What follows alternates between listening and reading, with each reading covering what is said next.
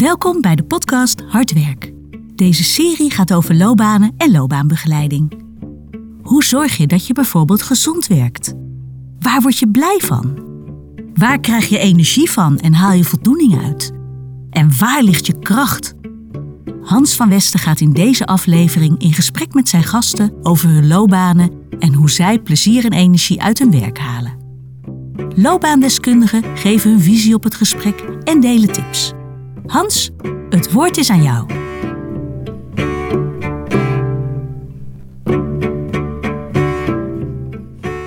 Jeroen, welkom. Dankjewel. Um, op de een of andere manier dacht ik, wat ben jij nou eigenlijk? Ben je nou een beleidsmaker? Ben je nou een onderzoeker? Iets wat er tussenin zit? Hoe, hoe, hoe kijk jij naar jezelf als het om je werk gaat?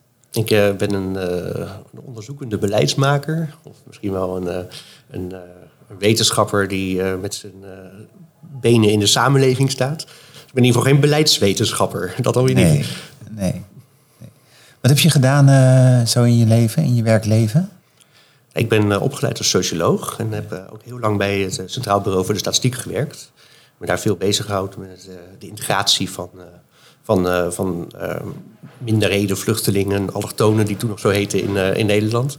En, dat, dat, noemen we niet meer zo, hè, allochtonen? Nee, nee, daar ben ik zelf nog heel druk mee bezig geweest. Ook samen met de Wetenschappelijke Raad voor het Regeringsbeleid. Om die term te vervangen door een term die gewoon meer recht doet aan, nou, eigenlijk vooral aan de waarde die eraan hangt. Dus het zijn nu personen met een migratieachtergrond. Ja. ja. ja. Nou, heb je wel een stempel gezet. Ja, dat is ook wel een van mijn, van mijn wapenfeiten als ja. geweest. Ja. ja. Hey, dat was CBS. En toen? Ja, toen kwam de, de politiek om de hoek. Ik zat al best een tijd in de gemeenteraad van, van Schiedam. En was daar ook dus in de avonduren veel bezig met het, met het Schiedamse beleid. Vond ik altijd heel erg leuk om te doen. En dan op een gegeven moment ja, overkomt het je natuurlijk dat er na de verkiezingen een goed resultaat wordt, wordt geboekt. dat mijn partij aan de tafel mocht gaan zitten. En toen kreeg ik opeens de kans om wethouder te worden. En uh, die kans kon ik niet laten liggen. En dat was in?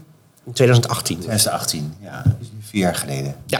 ja. En dat was ook nog best een moeilijke keuze. Hoor. Eigenlijk vanwege de vraag die jij aan het begin stelde. Want ik was daar ook net begonnen bij het CBS om uh, als, uh, als, als buitenpromovendus aan de gang te gaan. ik had net een promotor gevonden die bijzonder hoogleraar aan, bij het CBS was.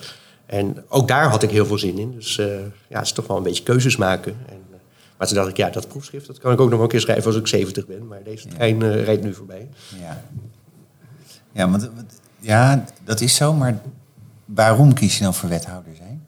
Het klinkt ook als een heftige baan, zeg maar. Ja, ja maar er was, uh, zeker in 2018, uh, was er was het toch echt wel een kans. Hè? Ik bedoel, de, mijn partij, GroenLinks, die, uh, nou, die heeft soms natuurlijk wel uh, hele visionaire ideeën. Ik, ik zou natuurlijk de laatste zijn om dat te ontkennen.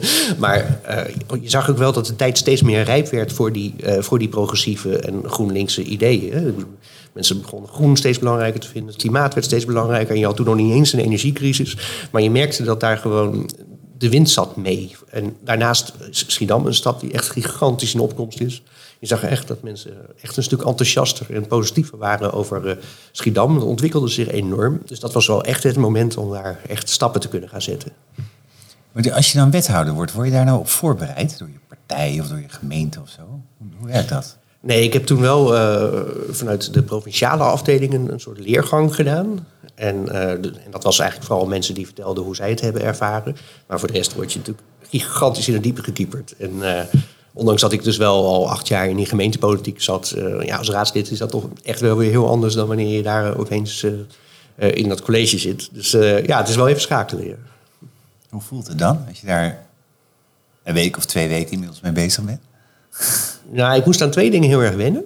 Aan, mensen praten op een andere manier. Of die, die, die, benaderen je toch anders zeg maar, dan, je, dan je zou verwachten. En ook anders dan ik altijd denk dat ik die mensen heb benaderd. Maar misschien uh, was ik me daar gewoon nooit bewust van.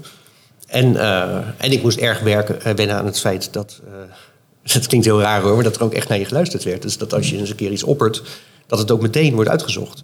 En um, dus dat je ook, uh, nou ja, ook een beetje voorzichtig moet zijn in, uh, in, in de ballonnetjes die je oplaat. Ja, je woorden doen er gelijk toe. Ja. ja. Moest je hard werken als wethouder? Ja, absoluut. Dus, uh, Eigenlijk begon mijn werkweek op, eh, op zondagmiddag. En uh, nou, hield hij eigenlijk gewoon pas op, op, op, vrijdag of als je op zaterdag niet ook nog ergens iets moest, moest doen. Ja. Het is gewoon heel veel. eigenlijk werd de hele dag volgepland. Dus gewoon van ochtends vroeg tot, tot s avonds. En meestal ook echt s avonds erbij. En dan moest je die stukken en meetingen moest je ook nog een keer voorbereiden. Ja. En dat was dan s'avonds. Dus het was wel echt heel hard werken. Ja. Was het te doen? Vind je, vind je het te doen, zo'n baan? Ja, want uh, eigenlijk, uh, nou, omdat je agenda voor je gevuld wordt, is het ook. Uh, nou, je leeft gewoon van het ene gesprek naar het andere gesprek. En, en, dus, dus in die zin is het wel goed te doen. maar het vergt wel veel tijd. En, en het, nou, het vergt ook tijd van je privéleven, je gezinsleven. Ja, ja, ja want hoe was dat? Hoeveel, je vrouw wist natuurlijk ook nauwelijks waar je aan begon. Zeg maar. Ja, ja nou, in eerste instantie ik, ik had natuurlijk uh, eigenlijk twee banen, hè, omdat ik in de gemeenteraad zat. Uh, wat ook heel veel werk is natuurlijk, in de avonduren en dan overdag een, eh, gewone baan. En um, dat, nou ja, dat kost natuurlijk ook tijd. En in het begin kreeg ik wel te horen van ja, je bent nu wel echt gefocust op één ding. En dat betekent dat je ook wel weer makkelijk kan schakelen. Dat je niet bijvoorbeeld bij het eten s'avonds alvast aan die raadsvergadering daarna zit te denken. Um, omdat je nog moet overschakelen van het werk dat je in het dagelijks leven doet. Dus, dat, dus de focus was wel echt één uh, baan. En dat, dat gaf wel wat meer rust. Maar uh, tegelijkertijd, uh, ja, je bent natuurlijk ook gewoon met het eten gewoon vaak niet. Ja. Of je moet met vakantie echt, echt heel veel moeite doen om, om ergens een paar weken tussen te proppen. En ja, dat merkt je gezin natuurlijk ook. Ja. ja, want jullie hebben ook jonge kinderen. Ja. ja. Ja, ja, en ik vond het je wel. dat ook. Ja, ja mijn, mijn zoontje zei op een gegeven moment wel dat hij dat hij het wel prettig vond dat ik, uh, dat ik weer wat meer thuis was uh, ja. tegenwoordig. En ja. vond ik in retrospectief toch wel een beetje schuldig. Ja. ja. Dat, en dat zei hij toen je eenmaal weer wethouder af was. Ja. Precies. Ja. Ja. Ja. dat is ook weer wennen voor die kinderen dan. Zeker, ja. Dan ben je jaren weg geweest. Ja, en dan kom ik opeens uh, de vega-burger snijden op zondag of zoiets. Dat, ja. vind, je, vind je dat het werk um, voldoende gewaardeerd wordt? Ja, ja in, in morele zin, uh, financieel wel hoor, dat, dat is het probleem niet. Maar uh, nee, het is, uh, in, in, in morele zin is het wel lastig. Want je kunt het eigenlijk, je kunt het eigenlijk, natuurlijk kun je het goed doen, maar dat is vanzelfsprekend.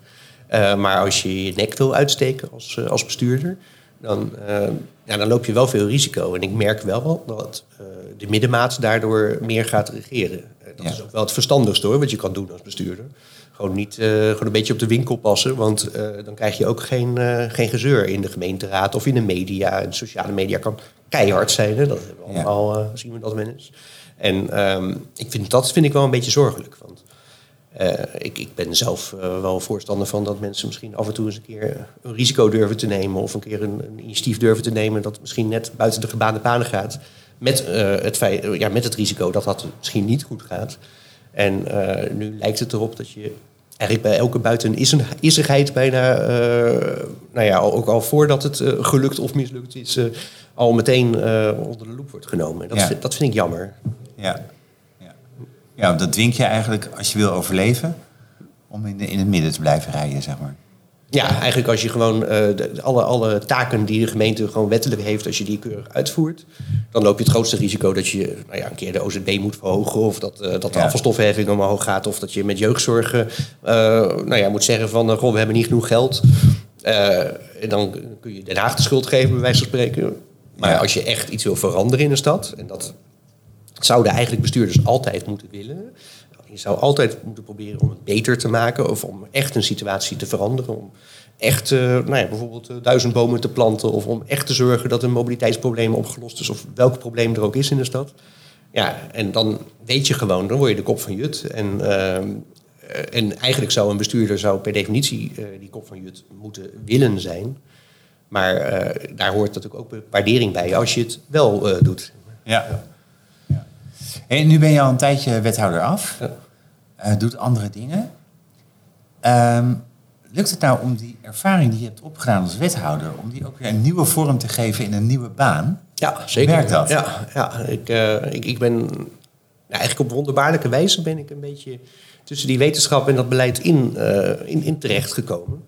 Want ja, oorspronkelijk dacht ik ook van ja, ik ga iets doen met die energietransitie of iets met mobiliteit. Want daar, moet, nou ja, daar is veel, uh, veel expertise nodig. Uh, die heb ik inmiddels. En, um, en, daar is ook wel wat, wat analytische vaardigheid nodig. Dat heb ik ook. Maar um, ik kwam eigenlijk heel toevallig kwam ik een vacature tegen waar uh, werd gevraagd om een CEO voor een start-up die zich bezighield met bewonersparticipatie. Ah.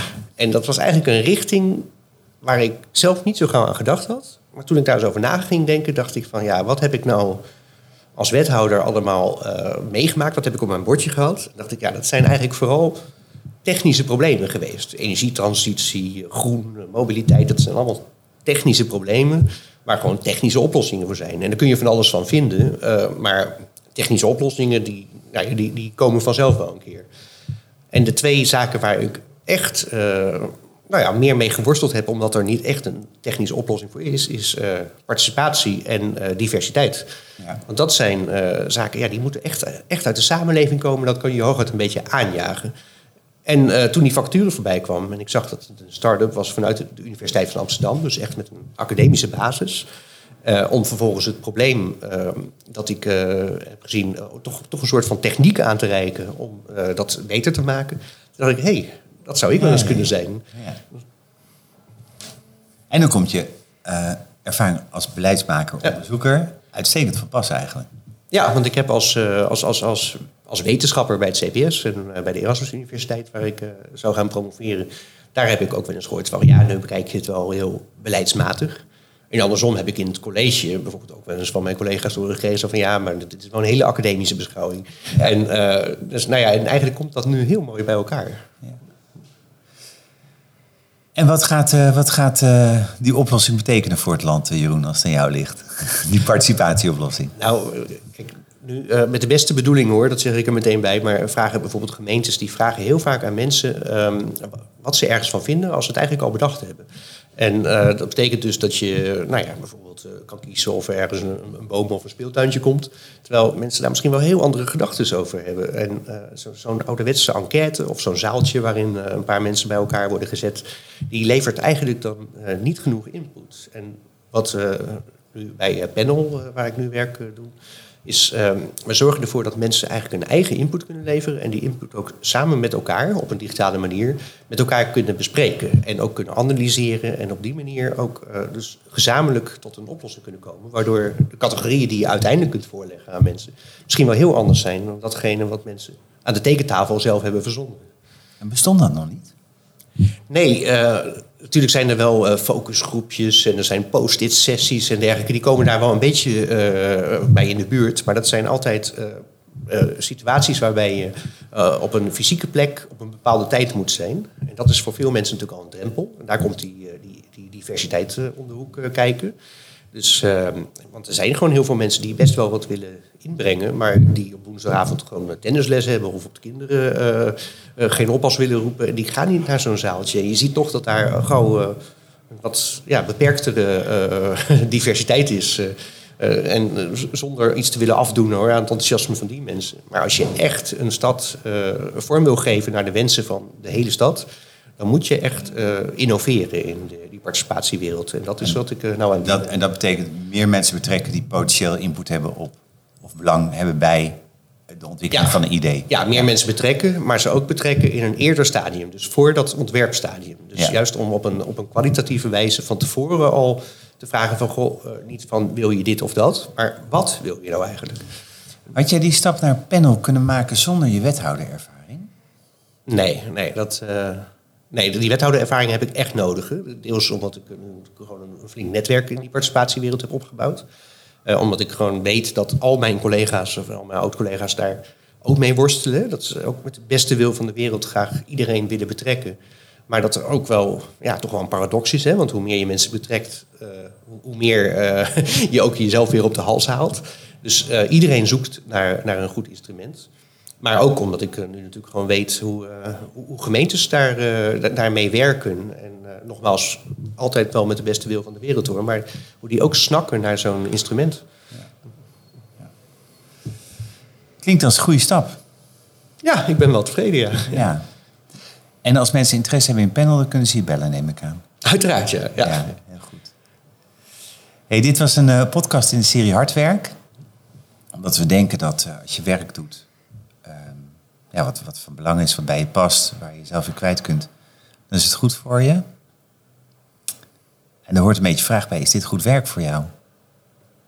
En dat is het. Heel goed, dankjewel. Graag gedaan. U luisterde naar een interview met Jeroen Ooyevaar. We hebben Marja Pronk gevraagd hier haar visie op te geven. Marja heeft haar eigen coachpraktijk en ze is docent en supervisor bij Vista Nova. Marja, goedemiddag. Je hebt zojuist naar het interview met Jeroen geluisterd. Wat is vanuit loopbaanperspectief inzichten, jouw tips? Hoe kijk je daarnaar? Ja, nou, dankjewel. Ik vond het een heel uh, interessant interview. En de zin die in mij opkwam was... ik heb het nog nooit gedaan, dus ik denk dat ik het wel kan. En, um, en in feite is dat wat uh, Jeroen ook heeft gedaan. Die heeft zijn cv langs de lat gelegd en gekeken naar wat hij heeft gedaan. Niet uh, in de zin van functie, maar in de zin van thematiek, competenties, expertise en energie. En dan kom je eigenlijk tot hele andere verbindingen tussen vacature en cv. Dus als jij, en als jij dat ziet, dan kun je dat ook verkopen. Oké, okay, nou ja, dat is denk ik een hele mooie tip voor de luisteraars. Dankjewel. Graag gedaan. Dank je voor het luisteren naar Hard Werk. Een podcast van Gradesgroep in samenwerking met Vista Nova. Heb je naar aanleiding van deze uitzending vragen? Neem gerust contact met ons op. Wil je graag meer horen? Abonneer je dan op deze serie. Tot de volgende aflevering.